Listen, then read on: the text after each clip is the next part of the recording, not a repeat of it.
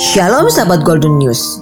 Renungan harian hari ini berjudul Teguran untuk Kebaikan. Kita akan merenungkan firman Tuhan dari Amsal pasal 27 ayat 5 dan ayat 6. Lebih baik teguran yang nyata-nyata daripada kasih yang tersembunyi. Seorang kawan memukul dengan maksud baik, tetapi seorang lawan mencium secara berlimpah-limpah.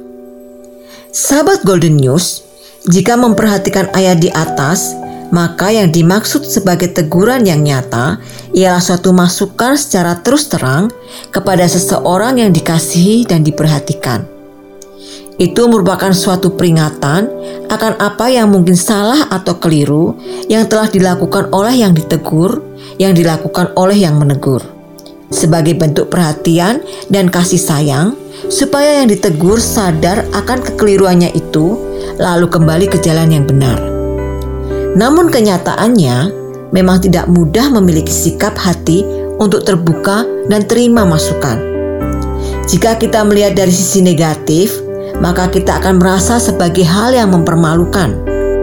Namun, sebenarnya teguran dan masukan itu sangat penting untuk membuat hidup kita bertumbuh dan semakin baik. Oleh karenanya, jangan menganggap orang yang memberi masukan kepada kita sebagai musuh, namun sebagai rekan yang menyayangi demi kebaikan kita. Di sisi lain, kita juga perlu memberikan teguran dan masukan jika mengetahui memang jika teman atau rekan kita melakukan kesalahan.